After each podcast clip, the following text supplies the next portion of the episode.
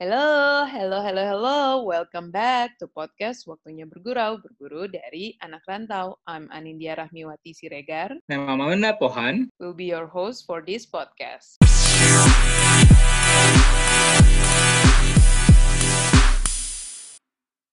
Hai, hai teman bergurau. It's good to be back. Halo. Welcome back to podcast Waktunya Bergurau season 3 dan sekarang kita sudah masuk di episode terbarunya Nat. Jadi yeah. I'm so excited to mulai uh, episode ini karena kita akan memberikan selalu cerita-cerita perjuangan, cerita yang seru-seru soal rantau yeah. untuk teman bergurau Nat ya. Iya dong, dan kita tuh udah ngobrol sama anak-anak rantau tuh banyak banget, atau bahkan ex anak rantau gitu. Nah, sekarang kita akan ngobrol dengan uh, married couple. Jadi kita kemarin udah sempat ngobrol juga ya, ya sama married couple juga yang ada di New York gitu kan, dengan segala ups and downs-nya kita bisa dapetin cerita atau pengalaman mereka. Nah, kali ini kita akan pindah ke negara, ke Eropa, lebih tepatnya ke Belanda, Um, okay. Jadi bintang tamu kita ini sekarang ada di sana dan apa namanya mereka sekarang sudah cukup bertahun-tahun di sana jadi uh, experience-nya juga pasti banyak yang bisa di share ya ke kita dan ke teman bergerak semua.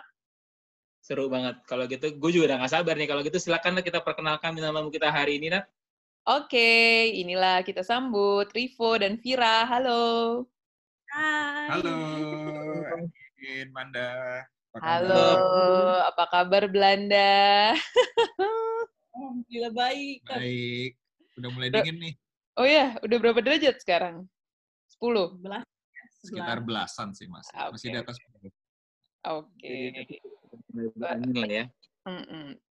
Ini kalian berarti di Den Haag ya? Iya, ya, kita tinggal di Den Haag. Eh, congrats loh, baru beli rumah mereka di Den Haag, luar biasa ya. Alhamdulillah, setelah berapa tahun, Ibu di sini 9 tahun, aku di sini 4 tahun.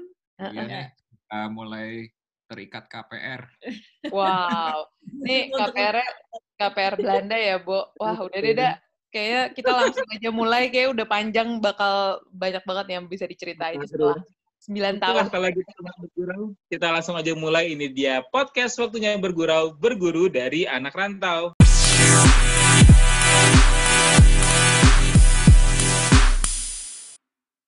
Rivo, Vira, mungkin bisa share sedikit nih, kan kalian Rivo udah 9 tahun. Jadi Rivo itu sama gue barengan ya, kita pindah ke Belanda. Tapi gue setelah lima okay. tahun gue pulang. Sedangkan Rivo masih, berlanjut uh, masih lanjut sampai istrinya pun dibawa ke sana kan dari Indonesia ya, Foya ya. disuruh resign ternyata. oh, paksa. Mungkin bisa share sedikit Rivo sama Vira sekarang di sana aktivitasnya ngapain aja ke teman bergurau? Nah, setelah lulus S2 dulu berapa ya tahun 2013 mm -mm. awal 2014 aku bergabung di perusahaan namanya TNO itu kayak badan risetnya Belanda sebagai saintis uh, di bidang energi. Jadi hmm. konsultan itu. Awal-awalnya sih uh, banyak kliennya di bidang oil and gas ya, seperti di Norway, hmm. di Middle East. Uh, paling jauh sih di Thailand. Uh, sekalian liburan ke Indonesia habis itu. Tapi ya, pasti ya. Tapi akhir-akhir ini ya pernah dengar lah ya, maksudnya sudah oil and gas itu udah mulai uh, ditinggalkan lah ya di Eropa karena ada banyak uh, ya agreement Paris Agreement seperti itu. Jadinya yeah. sekarang udah mulai agak pindah ke sustainable energy. Jadi uh, kerjaanku sekarang lebih ke mendevelop energi yang di bidang sustainable energy seperti di bidang uh, warmth system. Uh, jadi pemanas di sini udah pakai sistem geothermal lagi, udah nggak mungkin, udah nggak pakai gas lagi. Jadi udah mulai pindah mereka yang. Jadi itu lebih ke badan risetnya uh, milik Belanda. Oke. Okay. Kalau Vira sendiri gimana Vir? Aktivitas sekarang lagi ngapain di sana Vir? Oke, okay, kalau uh, aku sendiri aktivitasnya bekerja sebagai banker di ABN Amro Bank uh, sejak Tetap ya? aku Berarti walaupun pindah ke Belanda karena dulu dia di Indonesia di Bank Indonesia dan resign oh, karena suaminya. iya, jadi waktu awal-awal pacaran kan 2014 sampai 2016 tuh LDRan tuh Indonesia yeah. Belanda. Mm-mm. pasti sebelum nikah ngobrol dulu lah. Kira-kira kalau ikut ke Belanda, eh, aku masih bisa kerja nggak ya? Terus Hmm. eh, aku sih masih pengennya berkarir gitu.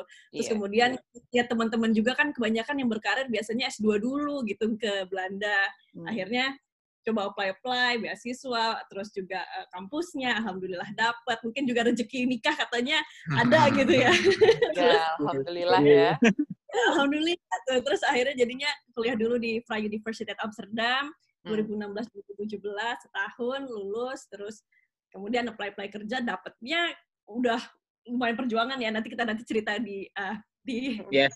ya nanti di lebih lengkapnya tapi ya begitu ah, lulus terus akhirnya dapetnya di ABN AMRO jadi kerja lagi di bank Oh. Alhamdulillah lah dapat eh, bantu-bantu keluarga. Lumayan ya baru beli rumah ya. lumayan nambah-nambah Nambah-nambah uang jajan. Alhamdulillah.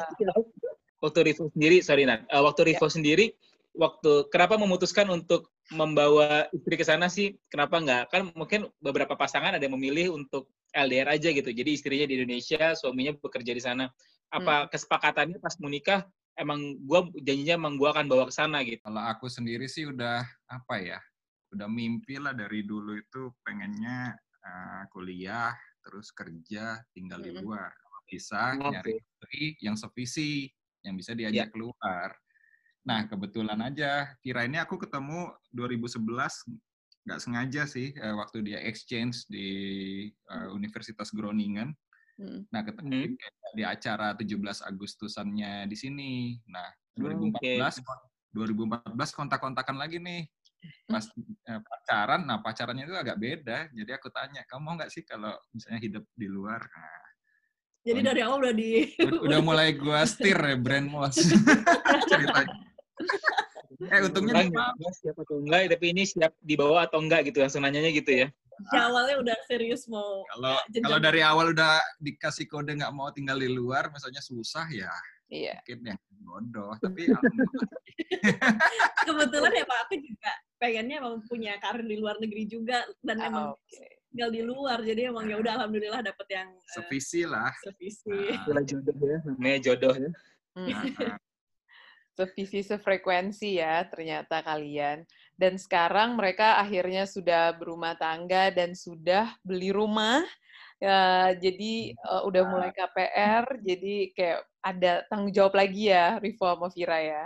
Jadi kerjanya Hmm. makin semangat kali ya. Iya Oh iya, sudah Selain kerjanya lebih semangat ya, tapi gue juga jadi pengen tahu sih. Memang kalau untuk beli rumah di sana tuh memang sudah mempersiapkan akan tinggal lebih lama lagi dong di sana. Iya Sepertinya begitu ya. tentu saja tentu saja. Nah, soalnya kalau dipikir kan sebenarnya pensiun di sini 67 tahun ya Iya. terus kita si uh, Rivo early 30-an aku masih Iya. 29 gitu jadi kita masih bakal lama mungkin di sini jadi Ya kita masih pengen berpetualang dulu lah di Eropa. Jadi mungkin Iya. ya Nah, kita kalau- lihatlah eh, ke mana angin berhembus. Tapi karena udah berkomitmen sama KPR ini, at Mm. least 20 tahun lah. 20 Yang tahun ya kalau di sana ya. Tapi itu ada persyaratan tertentu nggak sih eh, ketika mau ngambil KPR? Loh, kok gue jadi ngebahas KPR di Belanda ya? Ya mungkin sama aja ya di Indonesia ya. Apa sih lu harus punya kerjaan ya? Iya, Pasti iya, ya. iya. Mhm. Harus punya resident permit ya. Oh ya aku udah apa ya istilahnya green card di sini maksudnya permanen Oh, lu udah Oh, ngambil permain resident ya sekarang ya? residen. Ah, Ah, Oke, oke, oke. Dan itu Apalagi- jadi salah satu syarat kalau mau mau beli eh, rumah di sana KPR. Jadi Harus jadi yang- lebih kuat lah kalau misalnya mau Oke. minjem ke bank, eh, bank lebih percaya kalau kamu masih kayak student baru enam bulan, kayaknya agak susah sih menurut aku ya. Iya, iya, Iya, iya. iya. Oke. Nah, itu tadi kita udah bahas tentang KPR ya. Kembali lagi ke kerjaan, pas lagi awal-awal nih, eh, tadi kan Rivo eh, apa namanya apply ke TNO, terus Vira juga apply ke ABN AMRO setelah lulus dari S2.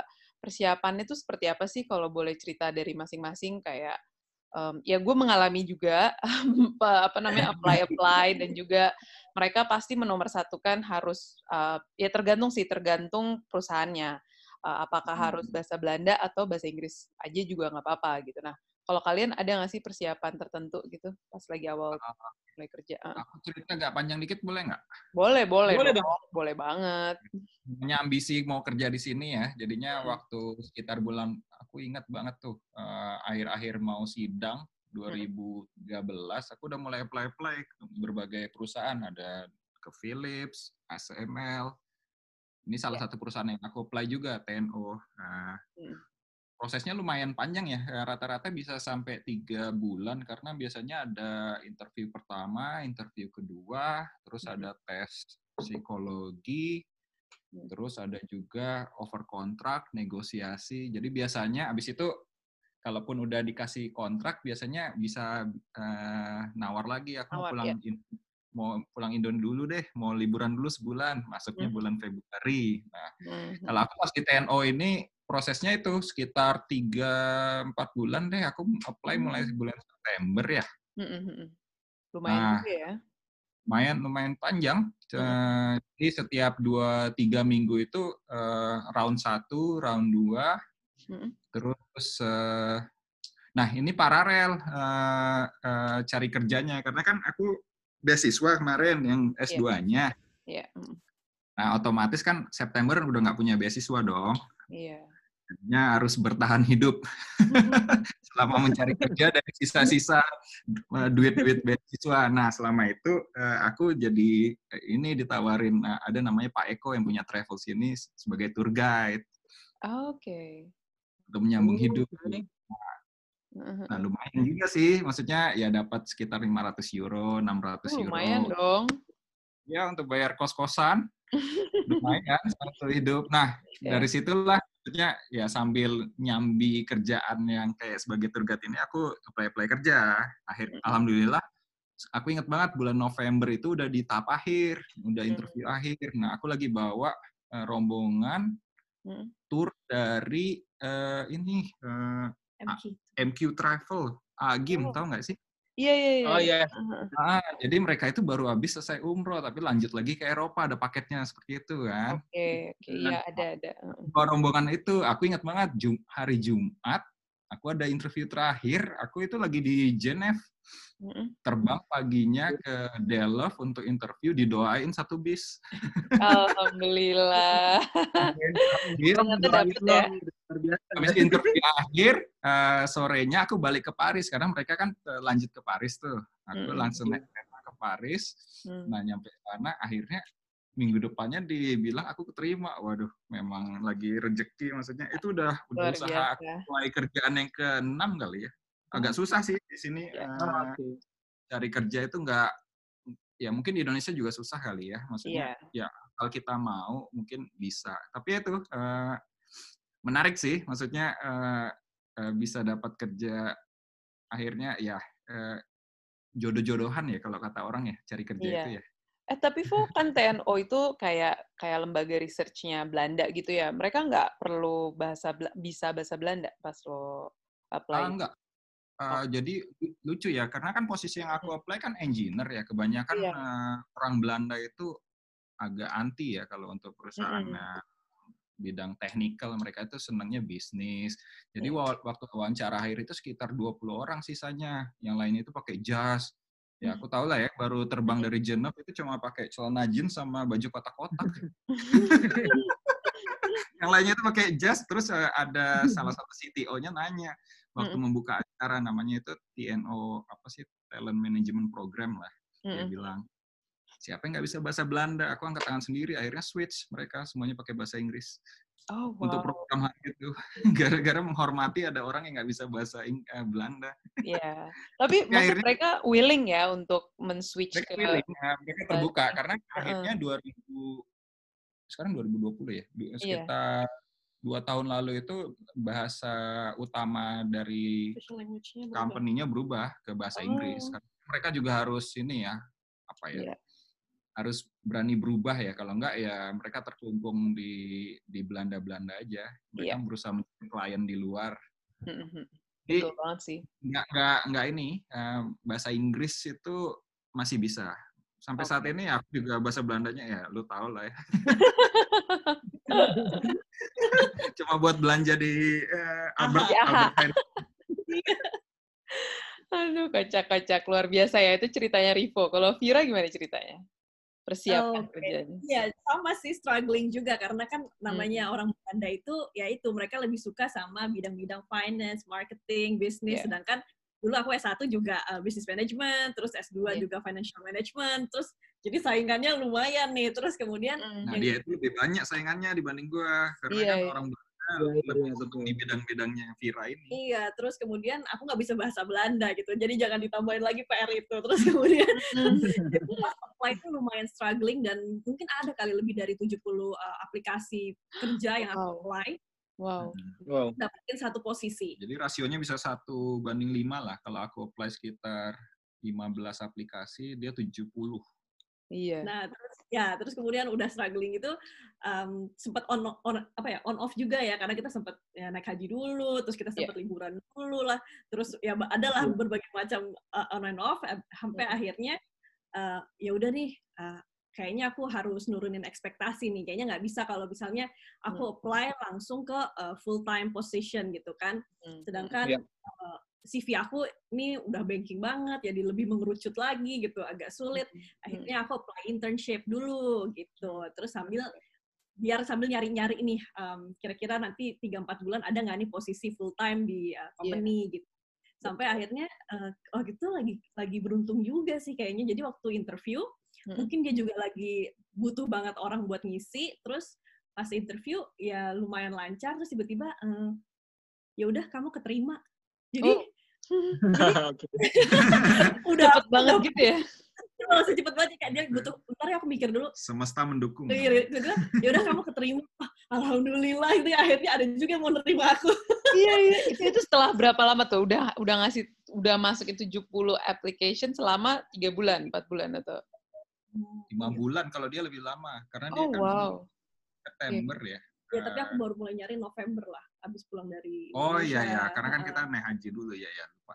Oke. terus di Desember, Januari. Ya Desember uh, company biasanya nggak terlalu banyak buka, terus mulai buka Iya. lagi Januari. Terus pas Januari kita liburan ke Indonesia satu bulan Ya, Februari pulang, pulang gitu. dulu sebulan. Jadi ada beberapa aplikasi dia udah dipanggil tapi lagi liburan Iya, di Indo. Kita lagi post gitu. Aduh, Belum rezeki, belum rezeki berarti. Iya. gitu kan. Ya nggak rezeki ya, maksudnya ya itu. Benar, benar, benar. bulan Maret, eh, bulan awal bu- bulan Maret, tiba-tiba interview, setelah belasan interview adalah aku nyobain beberapa kali company, berbagai macam eh, jenis industri ya, dari yang mulai Oke. Eh, perusahaan bunga sampai Wow. perusahaan apa.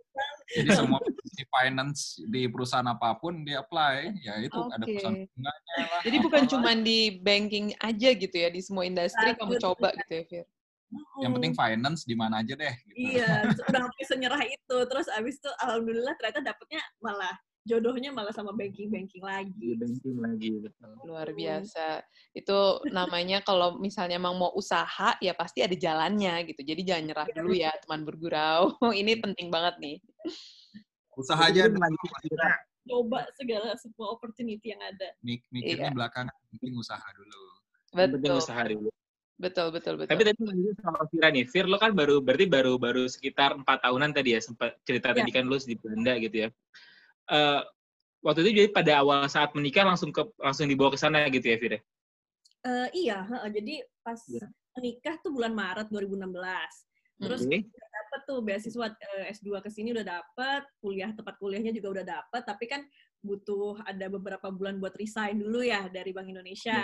Jadi Mm-mm. gue baru join itu eh, Juli di bulan Juli dia baru terbang ke sini. Hmm. Oh, Oke. Nah, Nah, gue pengen tanya sih sebenarnya nih. Sekarang kan lo udah, udah tahun keempat nih ya di sana gitu ya. Ada nggak sih Fir kebiasaan-kebiasaan baru yang baru lo temuin sejak lo pindah ke Belanda Fir? Jadi yang yang nggak kepikiran bahwa oh ternyata tuh di Belanda kayak gini. Ada nggak sih Fir? Iya, ah, mungkin karena kita waktu itu sempat 2011 sempat tinggal di sini ya. Jadi kalau Hmm. culture shock Oh, nggak terlalu, tapi yang kebawa itu dan sekarang baru makin dirasain tuh yang ini biasa bawa kresek ya, bawa kresek atau bawa tas belanja dari rumah sendiri gitu kan. Kalau dulu nggak terlalu bawa. Terus um, ngecek weather karena kan cuaca kadang-kadang panas, kelihatannya cerah nih di luar, ternyata dingin, anginnya kenceng gitu kan. Aduh, Iya. Belanda tuh unpredictable banget gitu ya. Bisa ada matahari, terus sejam kemudian hujan. Ya, begitulah ya Iya, Belanda. jadi ya udah jadi itu sih biasa pasti ngecek weather dulu sebelum berangkat atau keluar rumah Oke. Itu emang kebiasaan baru yang kayaknya di Jakarta jarang sih. Ya, gue ke bawah juga sih. Tapi kayaknya kurang kurang kurang akurat kayaknya kalau di Jakarta. Jakarta juga lo ngecek cuaca apa sih, Nat? Cuma panas sama hujan. Panas sama hujan doang gitu ya, dan dan naik mobil juga gitu. Kalau di sana kan ya karena naik sepeda kan. paling Iya. paling uh, kena macet lah ya. Maksudnya di Iya. dalam mobil nggak ada bedanya kan AC juga. Ya, ya, ya, ya. Kan di sini kita harus naik public transport, naik sepeda, naik jadinya ya memang harus ngecek cuaca penting. Iya. Kalau di sana emang keharusan sih ya. Mm-mm. Karena ngaruh ke baju juga ya. Hari ini outfitnya mau kayak gimana, kayak gitu kan. pasti. Kalau nggak salah kostum, Iya. Itu dia tuh. sama kostum sering banget tuh kirain nggak, wah nggak dingin nih, pakai kaos aja. Hmm, taunya angin kayak semilir. Tiba-tiba berangin ya. Oke, oke. Kalau Rivo ada nggak kebiasaan baru pas pertama dulu banget pas baru pindah dari Indo ya mungkin tahun 2011 ya mungkin lo agak-agak lupa tapi mungkin bisa cerita dikit gitu yang Tahun. Oh ini kali ya, mungkin ya ya udah standar ya, mungkin orang-orang juga pada tahu orang sini kan pada on time ya. oke ya betul Hmm. betul. Gue kalau dulu waktu Jakarta kan sempat kerja dulu habis kuliah S1 itu sempat setahun. Jadi kalau misalnya oh ada meeting nih jam 2, nah, paling setengah empat. Macet. Ngulurnya lumayan ya. Kalau mau janjian sama temen jam 6, oh iya baru OTW nih, baru masih di kasur kayak gitu. Tapi di sini nggak bisa. Jadi mereka itu kalau misalnya ketemuan itu kan memang harus bikin agenda ya. Jadi nggak Iya. misalnya mau ketemu orang Belanda aja pun temen, yang beneran temen ya. Mm. Eh, gue mau main ke rumah lo, oh, nggak bisa nih, harus janjian dulu dua tiga hari sebelum. Jadi ya memang, jadi lebih harus on time. Maksudnya ya kalau misalnya ketemu teman ya lima lima menit sebelum ya udah ketemu. Nah kayak sekarang nih, Hmm. lu juga kayaknya masih ke bawah Belanda ya, Nin? Maksudnya lima menit sebelum jam lima aja lu udah login di Zoom.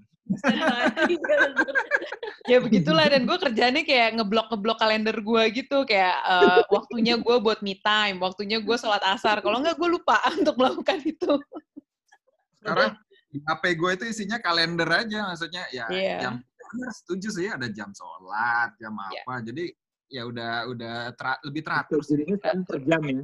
Lebih lebih teratur bahkan ya. bahkan kayak mau naik public transport aja lu bisa ketemu, ketemu di stasiun ya jam jam 3 lewat 7 Mm-mm. sampai Iya. detik menitnya aja itu sampai bisa lu bilang gitu maksudnya Iya, sedih harus sedetail itu luar biasa memang ya di Belanda itu. ya, sekarang udah nggak terasa sih ya karena udah terbiasa mungkin ya tahu Dan sekarang Anda udah pada naik mobil kan? Nggak naik public transport lagi. kadang-kadang Oh, tetap ya. Oke, oke, oke. Nah. mahal parkir jadi masih Iya, benar-benar. Nah, terus kalau sekarang nih, em, buat teman bergurau nih ya, yang lagi tinggal di sana atau yang lagi berencana buat pindah ke Belanda, mungkin eh, Rivo sama Vira yang udah cukup lama nih ya di Belanda dan udah pasti udah hatam lah semua kota-kota di Belanda, nggak cuma di Den Haag aja gitu kan. Kalian punya nggak sih kayak hidden place gitu yang menurut kalian tuh, wah nih must visit banget nih buat eh, orang-orang Indo gitu yang datang restoran lah atau museum atau park atau apa pun lah gitu yang bisa kalian share mungkin. kalau aku ada satu recommendation buat Mhm. makan poffertjes atau Oke. eh, ya mini pancake-nya Belanda yang khas banget yang biasanya ditaburin sama gula halus itu ada di um, di Den Haag di eh, dekatnya Scheveningen Heeh. sama eh, restorannya Omatos itu mas Oke. mas banget gitu kalau enak ke, tuh enak kalau ke Den Haag. Alright, noted. Gue kayaknya dulu belum sempet tuh, terus gue langsung pengen ke sana. Hmm, jadi pengennya enak banget tuh. deket pantai Iya terus dingin view-nya dingin bagus gitu. dingin dingin lihat eh, laut kan ya Iya. sambil makan purchase hmm. Oke, oke, noted. Kalau dari Rivo, barangkali ada, kan lo Hidden- sering explore juga tuh pasti. Kalau di Belanda ya, eh, ya mungkin buat teman-teman yang mau ke sini mungkin nanti bakal shock ya. Belanda itu Hmm. flat banget ya. Mungkin yang biasanya ke Bandung atau apa lihat Lihat gunung. di sini lurus aja, lurus. aja. gitu ya. Makanya orang-orang senang naik sepeda karena nggak ada tanjakan, maksudnya Iya. lurus Jadi kalau yang sekarang baru hobi sepedaan kayak di Jakarta lagi pada sepedaan ya lurus aja enak. Angkanya semua orang pada naik sepeda di sini. Hidden place buat aku sih karena aku kadang-kadang suka bosan nih sama lurus. Ada namanya di daerah selatan Belanda agak bukit ya, namanya Hmm. Drie Landen Pun. Oke. Nggak- Pernah dengar nggak Nin? Eh, Belum, belum, jadi belum. Baru nih, gue baru denger juga. kayak bukit ya kita bilangnya gunung karena pa- padahal cuma tingginya cuma 300 meter ya tapi orang Belanda bilangnya gunung di sini nah di situ itu pertemuan tiga negara makanya namanya Drie. Landen Drie itu tiga London itu eh, ya, tanah pun itu poin nah di situ ada kayak titik kayak ada tugu. Ya, kalau ke arah timur itu ke Jerman, ke Hmm. utara barat itu ke Belanda, kalau selatannya itu Belgia. Alright. Oke. Jadi di situ menarik sih, maksudnya ya sekitar dua jam lah kalau mau nyetir dari apa dari Den Haag. Dari Den Haag ya? Oke. Nah, kalau bosan sama yang datar-datar ke sana, bagus sih ada tempat mainnya, tempat kafe-kafenya. Jadi Oh lumayan gitu. ramai sih. Jadi bukan cuma kayak monumen aja gitu, tapi kayak ada tempat Ah, buat ya itu ya. lumayan eh, turistik. Jadi ada kafe, ada restoran, terus ada tempat main anak-anak juga rame. Orang bahkan juga ada yang sepedaan yang bosen lurus-lurus, kalau mau sepedaan nanjak dikit ya ke sana gitu. Luar biasa. Oke, nah ini buat gue aja nih baru nih dua tempat yang Vira sama Rivo kasih tahu. Jadi teman bergurau Iya. harus di note ya. Ya nggak sih. Tapi ngomong-ngomong soal jalan-jalan nih, kayaknya kan tadi sebelum kita rekaman podcast ini nih, tadi eh, Ani nih sempat kirim ke gue nih Instagram kalian kan untuk dilihat-lihat terus tentang kalian kan ya. Jadi pas gue buka IG-nya, itu yang terlintas di pikiran gue adalah kalian berdua nih suka banget traveling, bener gak sih? Iya. Ya, bener banget. Hiburan kita satu-satunya. tuh. Nah, Menghabiskan jadi cuti. tadi udah ngomongin soal local place, kayaknya gue mau tahu dong kayak ada nggak sih tempat rekomendasi liburan kalian yang pernah kalian datengin, entah itu di negara tetangganya Belanda ataupun di mana gitu ya, yang kalian jadi uh, unforgettable holiday-nya kalian deh gitu. Ada nggak sih? Bisa di-share mungkin ke teman bergurau? Nah, Vira dulu kali ya. Kalau aku unforgettable em, tempat liburan, kita biasa kita punya hashtag namanya Virarivo Honeymoon mulu. Wow, mereka bahkan udah punya hashtag. Oke, oke. Tapi emang iya sih, gue juga mau bilang karena karena mereka tuh tiap minggu kalau misalnya ngupdate di Instagram ya gue sampai bingung udah nggak tahu ke negara mana lagi sih. Luar biasa memang mereka. Malah tiap bulan, nggak tiap minggu. Ini lagi COVID, lagi COVID agak susah nih. Lagi Oh COVID iya iya agak. iya.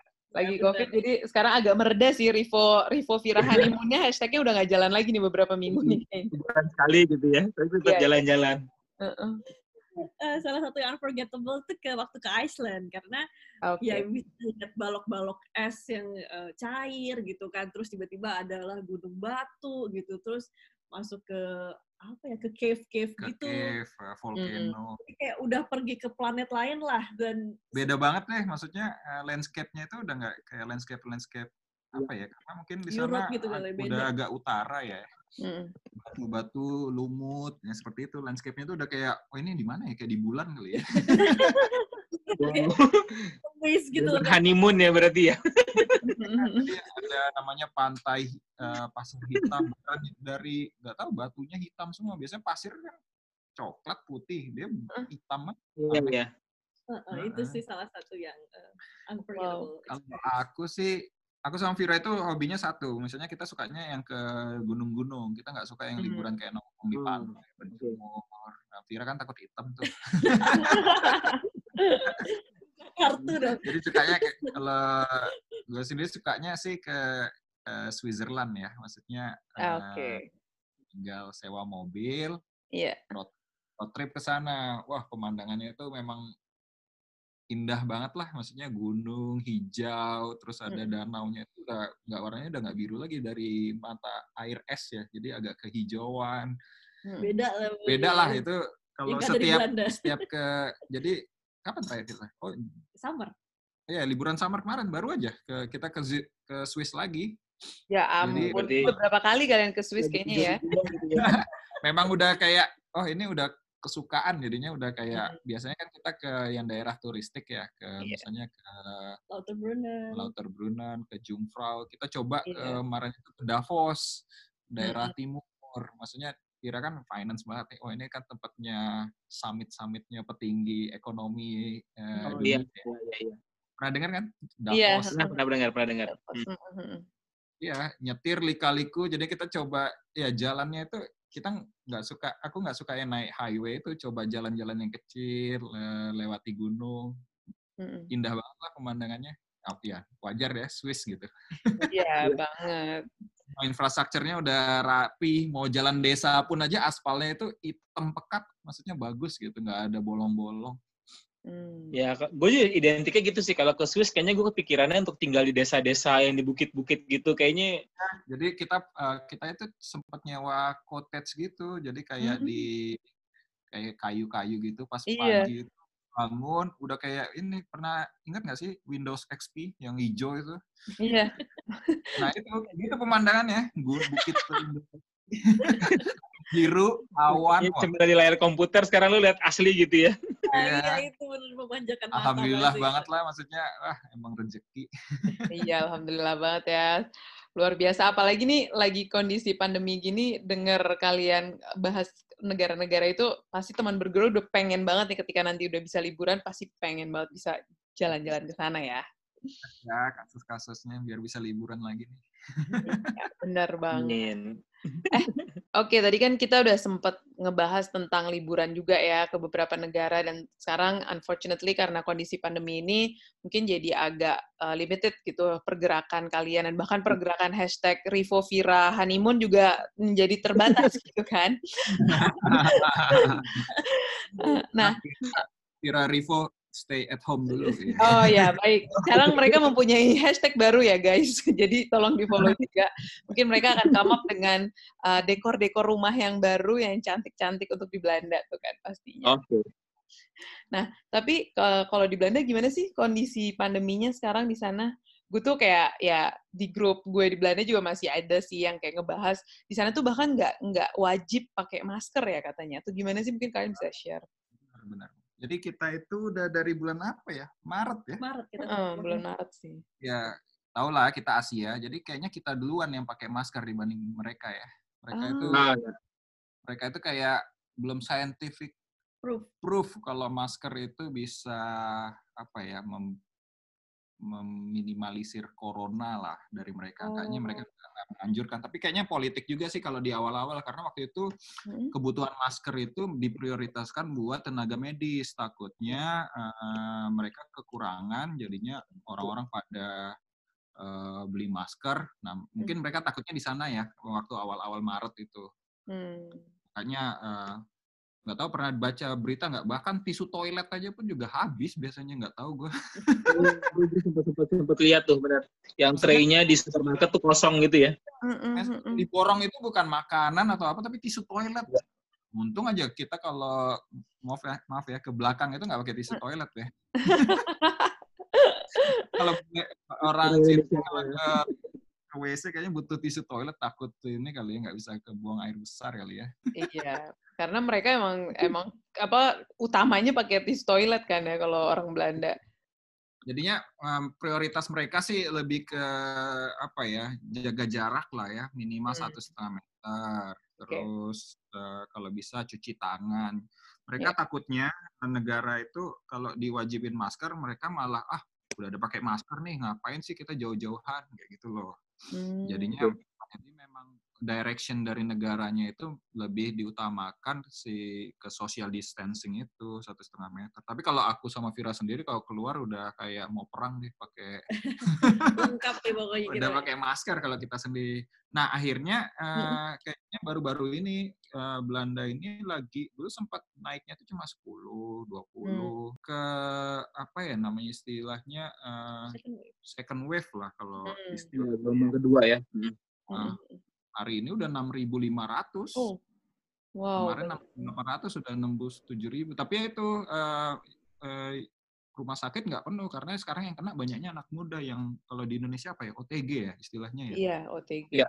Betul, betul. Nah, karena banyaknya OTG sekarang sudah mul- mulai di ini dibilang strongly advised. Jadi mereka masih belum mau wajibin. Masih Saking- strongly advice ya. saking demokratisnya itu eh, nggak berani negara itu ngewajibin karena takut chaos ya. Maksudnya kan itu ya ada yang bilang ngelanggar HAM lah, ada yang ngelanggar inilah. Katanya mereka Iya. strongly advice. Tapi kalau untuk public transport masih pakai. Wajib. ya. Wajib, itu wajib. Tapi kalau untuk Tapi untuk, untuk jam kerja dan lain-lain, kantor semua beroperasional normal kayak biasa gitu. Oh enggak, aku sama Vira udah dari Maret udah nggak kerja. Working from Oh, home. masih, masih, masih WFA semuanya. Iya. udah. Kemarin sempat sih waktu udah summer kan udah agak turun tuh. Iya. Kantor aku udah mulai membuka lagi untuk bisa balik ke kantor, misalnya 10 orang per tim gitu. Nah, Hmm. tapi karena ini udah increasing lagi, jadi sekarang fully working from home lagi sampai uh, waktu yang tidak ditentukan gitu. Iya. Iya, sama sempat, makanya kita kan sempat eh, ke Swiss tuh yang Sempet summer. Itu karena kita lagi rendah-rendahnya lah, landai lah ya. Mm-mm. Tapi ab- habis orang-orang liburan summer mungkin ya, naik lagi. Iya. Iya, iya, iya. Mungkin orang juga udah mulai bosen kali ya di sana buat di lo. Tapi sempet lockdown banget nggak sih di sana? Sempet yang kayak lo nggak boleh ke mana-mana, terus restoran tutup, semuanya kayak. Kalau mereka nggak mau ya ngomong lockdown ya, mereka bilangnya in- intelligent ya lockdown ya. Lu istilahnya. intelligence lockdown. Apa intelligence? Apa sih intelijennya? Gue juga nggak ngerti ya. Aduh, orang Belanda tuh emang ya nggak Nggak mau bisa. pengen Iya, iya. dibilang keren gitu ya. Maksudnya dia bilang, gue beda nggak kayak Itali sama Prancis. Kalau Itali Prancis kan benar-benar parah ya. Maksudnya lockdownnya Iya, iya. benar. Lu Hmm.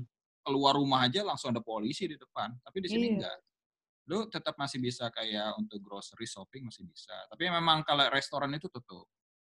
Oh, So, Jamnya kurangin. Ya, eh, dulu Maret-Maret itu beneran eh, tutup. jam 6. Jadinya yang bisa eh, take away kalau mau restoran. tapi kalau sekarang udah mulai buka kan, tapi cuma setengah isi kali ya. Kalau sekarang mereka nggak mau sampai ke level itu lagi. Jadinya sekarang pun eh, eh, take away buka, restoran tetap masih buka, tapi di limit cuma 30 orang. Terus Dan jamnya juga dikurangi kan. Iya. jamnya jam 10 harus sudah Tutup. Jadi Oh. nggak Iya. boleh nongkrong-nongkrong lagi di bar gitu. Karena yang diantisipasi itu anak muda yang ngeyel gitu. Iya. Yang masih suka ya dugem-dugem gitu lah. Iya, iya, iya. Nggak, nggak mengikuti protokol lah ya pasti ya. Kalau kegiatan-kegiatan kayak gitu ya. Mm-mm. Apalagi sejak kasusnya Trump yang beres sembuh dalam tiga hari, mereka makin Wow, mungkin ini. lah aman kayak gitu ya. Maksudnya ya agak Malah susah jadi sih. ini ya apa namanya? Ah, udah deh, enggak maksudnya bukan jadi priority gitu ya. Oke. Masih kayak orang Asia pada umumnya lah, masih takut. Iya, iya, iya. Waspada aja lah. Betul. Tapi betul. jadi terlihat aneh nggak? Jadi jadi terlihat aneh nggak untuk komunitas sebenarnya community kalian gitu jadi apa sih nih orang kok jadi berlebihan gitu?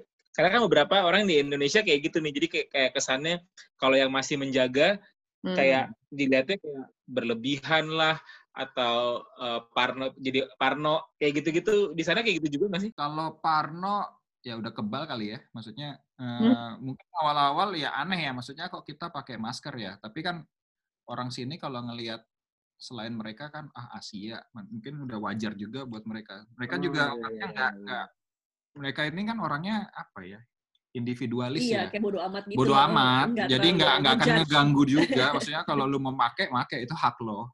Tapi Hmm, jangan oke. paksa gua. Nah, mereka itu kayak gitu, jangan paksa gua. Hmm. Jadi kalau mau lo, lo aja. Gua nggak selama lu tidak merus eh, Mengganggu mengganggu gua. gua ya udah terserah lo gitu. Tapi akhirnya kayaknya kemarin pas kita ke kita kan sempat ke mall tuh kemarin. Ke sentrum. Orang-orang Belanda pun sekarang udah banyak yang pakai. Maksudnya mereka udah aware juga. Oh, berguna juga. ya. Nah, udah mulai aware lah mereka kalau pakai masker itu. Iya. Ya, pokoknya di mana pun kita berada, pokoknya tetap menjaga kesehatan dan tetap mengikuti protokol sesuai ketentuan gitu kalian, Nat ya. Yes, betul banget. Semoga Ikut- kalian juga di sana tetap safe. Ikutin aja government-nya, aturannya. betul, betul, betul. Oke, sekarang kita lanjut lagi nih ke eh, topik kita yang tadi yang yang sudah mungkin kita tadi sudah bahas ya. Tadi gue sempat nanya kan ke kalian bahwa eh, kalian saat ini sudah beli properti di sana yaitu beli rumah dan tadi juga Nadia sempat mention udah ada eh, kendaraan dan lain-lain. Itu membuat kalian jadi makin betah di sana atau kalian udah kepikiran bahwa suatu hari gue akan balik ke Indonesia sih? Kalau iya, kalau betah memang kita bet ya bet- betah banget gitu karena Iya. mungkin kalau aku ngeliatnya dari dari work life balance gitu ya dari Iya. banyak cuti dari kemudahan mau izin eh, apa nggak usah izin malah di sini buat cuti cuti cuti aja gitu ngasih tahu gitu ke bos nggak Iya. ada perlu izin gitu terus ah, apa ya Jadi sebenarnya ya rumah sama mobil itu bukan bikin lebih nyaman ya, tapi memang karena public transport pun juga Emang, nyaman gitu eh, maksudnya semuanya sih apa pun yang di Belanda ya lebih nyaman dibanding di Indonesia menurut kita. Iya. dan apalagi di Den Haag banyak banget makanan Indonesianya kan jadi kalau homesick buat makanan tuh hampir nggak ada lah gitu Iya, kalau aku sih ngelihatnya ini kayak udah Indonesia provinsinya berapa sih sekarang? tiga empat ya Tiga empat ya. Ini udah Iya. kayak ketiga lima lah. saking Kayak gitu ya. banyaknya Indonesia Jadinya kalau mau makanan Indo ada, mau ketemu orang Indo, kita juga ada di sini ada ketemu ada IAITB juga, eh, Mm-mm. teman-teman Indo, teman-teman sama KBRI deket. masjid Indonesia ada, mau masjid juga dekat. Jadi semua kita sih ngerasanya nyamannya ya untuk living Ya memang dari live lifestyle-nya memang udah enak. Jadi kayak beli Iya. rumah, memang kayak ya udahlah kayak kayak tinggal di Indonesia lah orang pengen itu salah satu impian juga ya punya rumah kayak gitu. Iya. Tapi bukan sesuatu yang bikin lebih nyaman. Ya ada, tapi Belanda sendiri pun udah nyaman. nah, Jadi kepikiran kata lain lu menjawab apa nih? eh, belum ya kita belum kepikiran untuk pulang for good ke Indonesia. Kalau pulang liburan udah kepikiran dari April. Kalau Mau liburan pulang kan jadi bisa bisa mau pulang kan. Adik kan mau nikah kemarin April mundur ke November mundur lagi ya Jadi udahlah. kalau pulang pasti, tapi untuk liburan. Kalau pulang pastilah insya Allah setahun sekali lah ya. Tapi Oke. kalau untuk pulang Indo ya mungkin suatu saat kalau ada yang manggil jadi menteri boleh lah. Wow, luar biasa. Berarti mereka masih berpikiran 20 tahun lagi lah berarti ya. Atau 10 tahun lagi mungkin. Ya, we never know kan Mas Menteri juga bisa. Benar, siapa tahu kan. Iya. So far jalan kita di sini sih kita Iya. ngelihatnya. Luar biasa. Itu berarti ada restu dari keluarga juga ya pastinya setelah ngobrol dengan keluarga gitu kan. Mungkin kalian juga udah nyaman di sana ya keluarga juga oke ya kenapa enggak gitu kan di sana. Iya, mereka juga seneng ngunjungin kita ke sini. Ya, tuk- iya, tiap tahun pasti tuker-tukeran gitu, Iya. atau beda-beda dua bulan Kadang gitu. keluarganya Vira kemarin bulan Agustus, terus keluarga Hmm. aku bulan September. Jadi ya mereka nyari tempat tempat Liburan. alasan lah buat dikunjungin gitu. Iya iya iya. Jadi ada alasan ya, benar-benar benar-benar benar. Oke. Wow. Luar biasa sih ngobrol-ngobrolnya tentang Belanda dan bahkan kayak kita bisa bilang hmm, Rivo sama Vira tuh udah hampir settle down lah ya bisa kita bilang di sana gitu kan. Nah uh, mungkin last question nih dari kita uh, buat teman bergrow yang mungkin berpikiran juga nih uh, buat settle down di negara lain selain Indonesia atau mungkin mereka mau pindah ke Belanda. Ada nggak sih kayak tips dari kalian gitu? Mungkin aku dulu ya. Iya. Boleh.